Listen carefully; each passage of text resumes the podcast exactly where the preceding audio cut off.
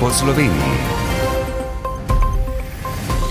Dobr dan želim. Govorili bomo o zdravstvenih temah. V Mariborskem zdravstvenem domu bodo nov sistem naročanja s pomočjo aplikacije razširili tudi na pediatrične ambulante. Predstavili bomo ambulanto z že 25-letno koncesijo. V železnike se zdravnikov vozijo celo iz Ljubljane. Tujčanom se obetajo nekatere podražitve, mariborski župan pa po neuspelem prvem poskusu v postopek pošilja nov predlog proračuna, ki je še nekoliko višji od prvega. V Brežicah so na voljo stanovanja za najem za starejše in kot bomo še slišali, ovčja volna, naraven in trajnosten material ni samo del dediščine, ampak spet dobiva veljavo in vrednost. Na sprehod po Sloveniji vabim Dušan Milič. Pregled podrobnosti pa začenjamo v Krškem, kjer so se dopoledne na tretjem regijskem srečanju skupnosti občin Slovenije zbrali župani in županje Posavja, Zasavja in jugovzhodne Slovenije. Na srečanju ob splošnem informiranju v skupnosti in mreženju ter povezovanju občin obravnavajo tudi aktualne teme ter potrebe in pričakovanja občin do skupnosti občin Slovenije. Na dnevnem redu današnje seje, ki so jo zaprli za javnost, je tudi razprava o možnih spremembah sistema financiranja financiranja občin, o kateri je župan Kočevja Vladimir Previlič povedal. V enem samem stavku in sicer nič o občinah brez občin. Želimo si dejansko biti partner v tem dialogu, ne pa, da smo postvestno obveščeni o različnih in drugačnih spremembah, ki jih moramo mi implementirati in o tem na koncu ne vemo nič. Na koncu pa še zvemo, da je teh virov, s katerimi moramo razpolagati, zmeraj manj. V zadnjem takem primeru se je to zgodilo pri dvigu plač pomočnicam vzgojiteljcem, kar seveda ne pomeni, da mi njim tega ne privoščimo, ampak nekako se ne moramo znobiti občutka, da v tem dialogu občine nismo partneri partner, ki bi bil vključen v te razprave in to se nam zdi zelo narobe. Pred nami so novi tvigi, plač javnih zavodov, javne uprave in tako naprej, ki se bo zgodila v mesecu aprilu. Vmes so se zgodili dvigi energentov, eh, hrane in vse ostalo, kar največkrat potem pade na breme občin. Torej, mi menimo, da se moramo začeti pogovarjati o novi povprečnini oziroma o novem znesku. Naš izračun je, da bi morali nekje okrog 10 do 15 odstotkov se pogovarjati o dvigu povprečnine. V Mariborskem zdravstvenem domu bodo nov sistem naročanja s pomočjo aplikacije razširili tudi na pediatrične ambulante. Aplikacijo so pred slabim letom začeli upeljevati v družinske ambulante in se je dobro obnesla. Z njo imajo sicer težave računalniško nepismeni. Tem je še vedno na voljo telefonsko naročanje, ki pa ga preusmerjajo na centralni klicni center, tako da pacijenti ne komunicirajo več neposredno z ambulanto svojega zdravnika. Podrobnosti v prispevku Vesne Martinec. Spletna aplikacija za naročanje se je pokazala za zelo korisno in učinkovito, pojasnjuje pomočnik direktorja Mariborskega zdravstvenega doma Aleksandr Jus. Se je to zares izkazalo kot neka dodana vrednost? Aplikacija zdaj deluje za vseh 48 ambulant družinske medicine v Mariborskem zdravstvenem domu. Letos pa jo uvajajo tudi v pediatričnih ambulantah. Postopoma jih vključujemo, trenutno so tukaj na območju Vršnjakove, ostale bomo pa še tudi uvedli. Tisti, ki so spleta nevešči, se k zdravniku še vedno lahko naročijo po telefonu. Za polovico družinskih ambulant prek centralnega klicnega centra, kar je prav tako novost. To pa nekaterim pacijentom povzroča stisko, razlaga zastopnica pacijentovih pravic Adela Postružnik se tam oglasi tajnica, ki pove, ne vem, 25 ste na vrsti, seveda je bilo potrebno potem pač počakati in seveda je bilo pa treba neki tretji osebi, nepoznani, razlagati svoje težave. Dober mesec v Mariboru deluje tudi ambulanta za neopredeljene. Obisk se je v februarju povečal, saj se je zaprla ambulanta s koncesijo v Malečniku. Tako dnevno obravnavajo okrog 30 bolnikov. Dva družinska zdravnika se bosta v Mariborskem zdravstvenem domu letos upokojila. Nadomestila jo bosta mlada sodelovca, ki sta pravkar opravila specialistični izpit. Da bo začel delati še kdo od 15 specializantov ali pa bi zaposlili družinskega zdravnika iz tujine, pa bo treba še nekoliko počakati, še dodajajo v Mariborskem zdravstvenem domu. V Sevški in Poljanski dolini, kjer za zdravje pacijentov skrbijo izključno družinski zdravniki koncesionarji, nimajo težav z iskanjem zdravnika. V ambulanto Košir, ki ima v železnikih že 25-letno koncesijo, v njej pa so zaposleni štirje zdravniki, v zadnjem letu prihajajo tudi bolniki iz Ljubljane. Zaposleni so tudi zaradi pogojev dela motivirani, kar je za obravnavo pacijentov najbolj pomembno. Prispevek Aljana Jocif. Zdravnik družinske medicine Branko Košir, ki kot koncesionar spremlja razmere v javnih zdravstvenih domovih, meni, da odhodi zdravnikov iz zdravstvenih domov, ki ostajajo v družinski medicini, niso nič slabega. Zguba za zdravstveni javni sistem je, da nekdo ni zadovoljen s pogoji dela in se potem umakne v zavarovalništvo, da gre v farmacijo, da gre recimo v tujino. Tukaj pa je zguba za javni zdravstveni sistem. Tukaj bi bilo potrebno nujno, da tudi začnejo politiki ločiti V njihovi ambulanti so plače više kot v zdravstvenih domovih, zaposleni dobijo nadure, pomembno je timsko delo, pripadnost, odločilna pa je dobra organizacija. In da pač pacijent ima vse tisto, kar mu pripada, potem pa poskušamo to speljati, da je tudi za nas čim lažje. Ne, ne. Trenutno si pomagamo s tem, da imamo pač 0,2 zaposlenega zdravnika več kot je uradno koncesije in s tem si tudi kar nekaj olajšamo delo. No. V železnikih tako upravljajo tudi manjše posege, imajo referenčno ambulanto, dobrih 20 let pa tudi svoj laboratorij, ki pospeši prvo diagnostiko kar nam zelo olajša delo in zmanjšuje možnost napake. Pacijenti pač so obravnavani tukaj, čakajo pet minut na izvid in potem mi lahko že postavimo veliko bolj natančno diagnozo, ustrezno terapijo, kot če bi bilo to potrebno, recimo, da nekdo more za vsako preiskavo krvi iti v Škofjoloko, kjer je najbližji laboratorij, to je približno 20 km. Tudi koncesionarji, vključeni v mrežo javnega zdravstva, pa se srečujejo z omejitvami zdravstvene zavarovalnice. Da nas zavarovalnica stiska s tremi stvarmi. Eno je z glavarino, s količniki, ki jih moramo doseči, in tretja stvar je s časom, ker moramo mi delati za zavarovalnico. Če karkoli od tega ne bom dosegel, ne bomo dobili plačan. Zdaj je neke spremembe, to, da ne bi plačvali več. Če bom pa preveč naredil, mi pa do zdaj v bistvu tudi niso plačvali. Kar pomeni, da smo mi vedno bili nekje v nakovalu med zavarovalnico in zahtevo pacijentov. Ljudje potrebujejo zdravnika, meni je težko reči, da ja, zdaj pa ne morete priti. Mi smo oktobra ali pa recimo septembra izpolnili to kvoto, ki jo imamo do zavarovalnice, nam zavarovalnica ne bo nič več plačala, najte si zdravnika, kjer veste, pa znate. Ne? Zdravniki ambulante Košir pa so po pogodbi vključeni tudi v dežurstva Škofeloškega zdravstvenega doma. Po Sloveniji. Ptujski mestni svetniki so potrdili predloge podražitev različnih storitev. Tako bodo više cene vrtca, komunalnih in pokopaliških storitev. Vrtec se bo že prihodnji mesec podražil za od 11 do 15 odstotkov, odvisno od starostnega obdobja. Spluja Gabriela Milošič. Ne samo na Ptuju, voda bo dražja v vseh 19 občinah spodnjega podravja, ki jih oskrbuje Ptujsko komunalno podjetje.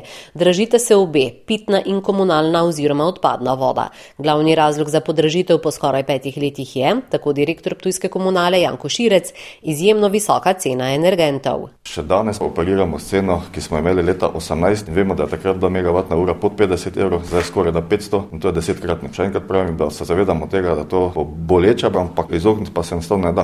Zaradi elektrike, ki zdaj predstavlja že 30 odstotkov cene vode, bo po novem gospodinstvo na Ptujskem za 10 kubičnih metrov pitne vode plačevalo 4 evre več oziroma okoli 19 evrov mesečno, za odplake pa celo 10 evrov več. Dražje pa ne bo samo voda, temveč tudi vrtec. Ptujska županja Nuška Gajšek. Vrtec podržujemo za poprečno 15%, kar pomeni pri tistem nekem srednjem razredu okoli 25 evrov. Seveda smo se želeli temu izogniti, ampak žal vse okoliščine, ki so od dviga energentov do materialnih stroškov, tudi hrane, do eh, dviga plač in vsega, kar je s plačami povezano, je pač rezultiralo to v tej ceni. To pa še ni vse. Tudi za pokopališke storitve bo treba odšteti več. Na ponovem pokopališču za nekje 20%, na starem pokopališču pa nekoliko manj, ker ne zahteva toliko vzdrževanja vzdrževanja. Spomnimo, da so ptujski svetniki že januarja soglašali z nižjim deležem za izvajanje pomoči na domu iz 73 na 60 odstotkov. Ta delež je, enako kot vsi drugi, padel na pleča ljudi. Potem, ko si mariborski župan Saša Arsenovič pred januarsko sejo mestnega sveta ni pridobil soglasja za letošnji rekordni proračun in je predlog umaknil, zdaj na svetniške mize pošilja nov predlog, ki pa je od prvotnega še nekoliko višji - 192,58 milijona evrov. Enako pa ostaja rekordno zadolževanje v višini 27 milijonov evrov. Ob tem svetnikom predlaga še sprejetje proračuna za prihodnje leto v vrednosti 142 milijonov evrov, seja bo danes teden. Za komentar smo poprašali največje svetniške skupine. Bratko Zavrnik. V listi Franca Kanglerja SDS in SD predloga proračunov še preučujejo. Svetnike gibanja Svoboda, ki se županom že od volitev dogovarjajo o vstopu v koalicijo, a zaveze še niso sklenili, pa skrbi predvsem prihodkovna stran, ki je po njihovem prenapihnjena in si prizadevajo za realnejši okvir, pravi svetnica Karin Jurše. Ne pa, da bomo potem drugo leto ugotovili, da z vsemi krediti, ki bomo jih leto vzeli, pa še 4 milijone kredita ostane za drugo leto, smo potem zapečateni in izkoristimo celotni kreditni potencial do, mislim, da leta 2031. Ne? Opozarja na naraščajoče stroške investicij plačin energentov, presojo, katere postavke na odhodkovni strani bi znižali, pa prepuščajo županu in strokovnim službam. Dokončne odločitve o podpori še niso sprejeli. Nad neugodno likvidnostno situacijo so zaskrbljeni tudi v listi kolesarjev in pešcev, a podporo proračunu napovedujejo, saj bi drugačnega v času inflacije in velikega investicijskega cikla težko sprejeli, pravi Osi Protar. Sam napovedujem, da bo proračun potreboval še določene rebalanse. Zato, ker uh, ne moremo že danes predvideti gibanja stroškov in pa cen do konca leta, sploh pa ne do konca leta 2024. Dodaja, da občino v neugoden položaj postavlja tudi naraščajoča podfinanciranost strani države in opozarja, da bo prodaja farmadenta predvidena za prihodnje leto najbrž nujna. Kljub povečanju sredstev za preplastitve cest pa med drugim kritizira znižanje nekaterih postavk na področju kulture in mladine. Kaj nas čaka v nadaljevanju? Navadno govorimo o stanovanjih za mlade, a ta stiska je pogosta tudi pri starejših. Tega se zavedajo tudi v Brežicah, kjer v najem ponujajo 12 stanovanj. Zaradi graditve krožišča pri Jadranu na Kozini nastajajo zastoji. Kakšne so rešitve? V Ankaranu si prizadevajo ohraniti tako imenovano pokopališče škol, školk, Idrijsko-Cerkljanska razvojna agencija pa je dopoledne pripravila posvet o priložnostih in izzivih slovenske ovčje volne. Povod je bila med drugim nizka raven zavedanja, da gre za naraven in večstransko uporaben material. Ostanite z nami. Občina Brežice je objavila javno zbiranje ponudb za najem 12 stanovanskih enot v večgeneracijskem centru Brežice oziroma nekdanjem domu upokojencev. Stanovanske enote so namenjene občankam in občanom, ki so dopolnili 60 let ali več. Rok za oddajo ponudb poteče 8. marca, aprila načrtujejo že uselitev. Več Suzana Vahtarič. Stanovanske enote v skupnosti poleg osebnih prostorov, to je sobe, stranišča z umivalnikom in predprostora, obsegajo še skupne prostore s kuhinjo, kopalnico ali umivalnico ter družabni prostor, opisuje stanovanske enote direktorica občinske uprave občine Brežice Patricija Čular. Deset enot je predvidenih za bivanje ene osebe, praviloma dve pa sta večji, tudi za dve osebi. Manjša enota v poprečju meri 26 km2, medtem ko večja 49.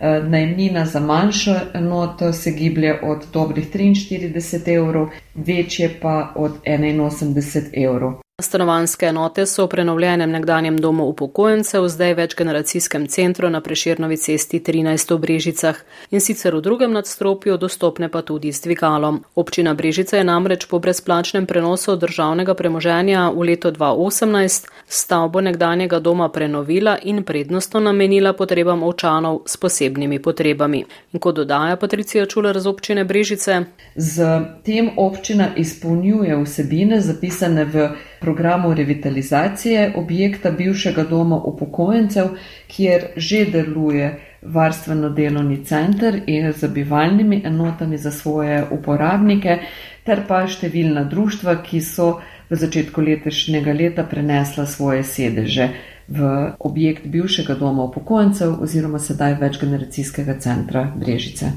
Vsi podatki in pogoji najema stanovanskih enot za starejše od 60 let so na voljo na spletni strani občine Brežice, rok za odajo vlog je 8. marec, že v aprilu pa je predvidena uselitev. Zaradi graditve krožišča pri Jadranu na Kozini promet poteka izmenično enosmerno, zlasti v prometnih konicah in posebej v začetku tedna, ko se bistveno poveča še število tovornih vozil, nastajajo dolgi zastoji, ki številnim ljudem precej podaljšajo pot v službo in domov. Pristojni so že sprejeli nekaj ukrepov. Mateja Rolih Maglica. Številni ljudje, ki se v službo dnevno vozijo po tranzitni in zelo obremenjeni državni cesti Starot Kozina, zadnje tedne za pot porabijo tudi po pol ure več, saj zaradi regulacije prometa, ki poteka izmenično enosmerno, nastajajo dolgi zastoji. Zjutraj se promet ustavi tudi pred hrpeljami, popovdan pa že na izvozu iz avtoceste. Predstavniki Direkcije za infrastrukturo in občine Hrpelje Kozina so se z izvajalci podjetjem CVP dogovorili, da bodo poskušali zastoje umiliti, za kar so že sprejeli nekaj ukrepov. Županja Saša Likavec Svetelšek. Poskušali smo prirediti intervale na semaforju, ki omogočajo lažjo pritočnost. Ravno tako je naš izvajalec popravil vse udarne jame in zmanjšal radije tako da lahko težka tovorna vozila hitreje gredo skozi krožišče. Včeraj smo se pa poslužili tudi pomoči naše policijske postaje Kozina, ki je ročno usmerjala promet. Z izvajalcem in direkcijo se dogovarjajo, da bi na ta način regulirali promet v času konic. Kot je dodala Likavec Svetelšek, so težave pri pretočnosti prometa pričakovali. Ker se zavedamo, kako pomembna je cesta G17 in na to opozarjamo že cel čas državo. Gradnja krožišča, ki je za občino pomembna investicija in so jo dolgo napovedovali, naj bi trajala do konca maja. Do takrat je županja voznike pozvala k strpnosti, pa tudi naj si gradbišča med vožnjo ne ogledujejo, se tako še upočasnjujejo promet. Medtem, kot smo že poročali, potekajo tudi pripravljalna dela za gradnjo obvoznice mimo Hrbeli in Kozine, ki pa na trenutne prometne tokove nimajo vpliva. Školčna sipina v ankaranski občini, ki je javnosti bolj znana z imenom pokopališče Školk, je nastala s poglabljanjem morja za luške plovne kanale.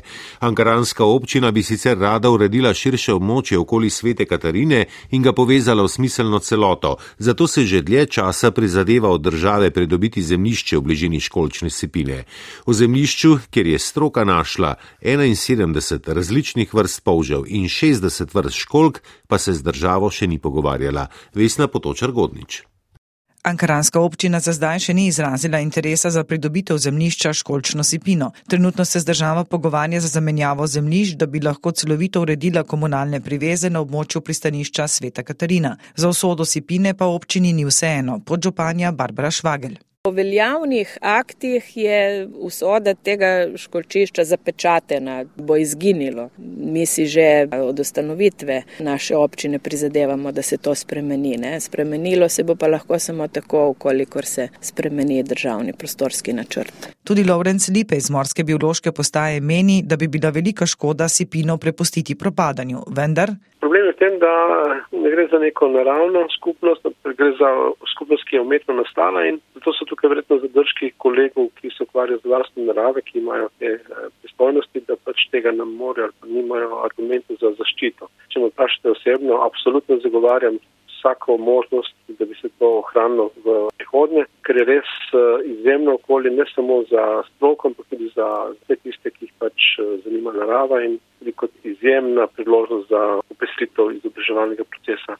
Z pristojnih ministrstev so nam odgovorili, da to območje ureja državni prostorski načrt za pristanišče v Kopru, ki tu predvideva tretji luški pomol. Z njim se v luki še ne ukvarjajo, prednost namenjajo razvoju in širitvi skladiščnih ter manipulativnih površin v okviru prvega in drugega pomola. Sipina, kjer so ostanki lupin polžov, školk, slonovi zobčkov, je priljubljena turistična zanimivost in učilnica v naravi. A vsak obisk pomeni tudi krnjenje te sicer zanimive, a umetne tvorbe. Školčne in polže lupine se namreč drobijo dobijo že same po sebi zaradi naravnih dejavnikov. V zadnjih letih pa sta povečan obisk in pobiranje školčnih lupin uničevanje sipin še pospešila. Idrijsko-crkljanska razvojna agencija je dopoledne pripravila posvet o priložnostih in izzivih slovenske ovče volne. Kot so ugotavljali, je treba povečati zavedanje, da je volna naraven, večstransko uporaben in biološko razgradljiv material, ter iz tem dvigniti vrednost. A predvsem v rokodelstvu ostaja še veliko neizkoriščenih priložnosti. Dali so tudi pobudo za enotno označevanje slovenske ovče volne in izdelkov iz slovenske ovče volne na državni ravni. Prispevek Nine Brus. Ovčjereja je pomembna za ohranjanje naravne in kulturne krajine, a se spopada z več izzivi. Stalež ovc v Sloveniji je bil decembra lani ocenjen na 117 tisoč živali, kar je dve odstotni točki manj kot leto prej. Selekcionistka za drobnico iz Kmetijsko-gozdarskega zavoda Nova Gorica, Klaudija Kancler, o tem, zakaj rejci opuščajo rejo. Je več vzrokov, zakaj eh, število pada. Med njimi je tudi ta velik, eh, velike škode, ki jo povzročajo divje zveri, pa tudi starostna struktura rejcev je taka, da veliko rejcev rejo opušča. Poglavitna izdelka očereje ostajata meso in mleko, vendar se med rejci povečuje zavedanje o večstranski uporabnosti volne kot stranskega produkta, za kar si tudi na zavodu že dlje časa načrtno prizadevajo. Leta 2021 je bilo v Sloveniji pridelane za 165 ton volne kar 70% ocenjujemo v Sloveniji, se volne nekako predela, 50% eh, v volnene izdelke, eh, se pravi te tradicionalne volnene izdelke, pletenine, ne. Eh, kar neki uporab je inovativnih, tako da pač ta paleta izdelkov v Sloveniji volnenih je kar široka.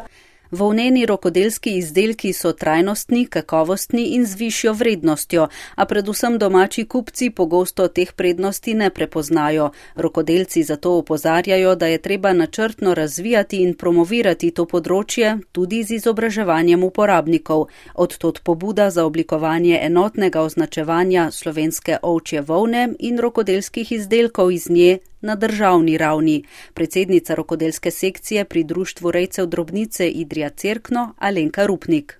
Prav z namenom, da ovčja volna pridobi na kvaliteti, na sledljivosti, eh, da se povdari kot izjemno surovino, ki nam je dana v slovenskem prostoru a to presega lokalne okvire. Za uresničitev pobude bo namreč treba najti lastnika in upravljavca te kolektivne blagovne znamke in oblikovati merila za pridobitev certifikata. Kot je dejala Alenka Rupnik, pot je dolga, ampak če se ne začne, se ne more končati in priti na cilj. Razpravljavci so še povdarili, da je predelava ovčje volne naša kulturna dediščina, ki jo je treba ohraniti, da znanje in veščine naših prednikov ne bodo šli v pozabo. In ne samo to, številne stvari nedomno v novič tudi danes dobivajo veljavo. Oddaja, ki se izteka, gre zdaj v spletni arhiv in aplikacije za podkaste z novimi zgodbami naših dopisnikov, bomo uživo spet jutri. Nasvidenje. Poslušali ste oddajo po Sloveniji, urednik in voditelj Dušan Milič, tonski mojster Petr Lebar.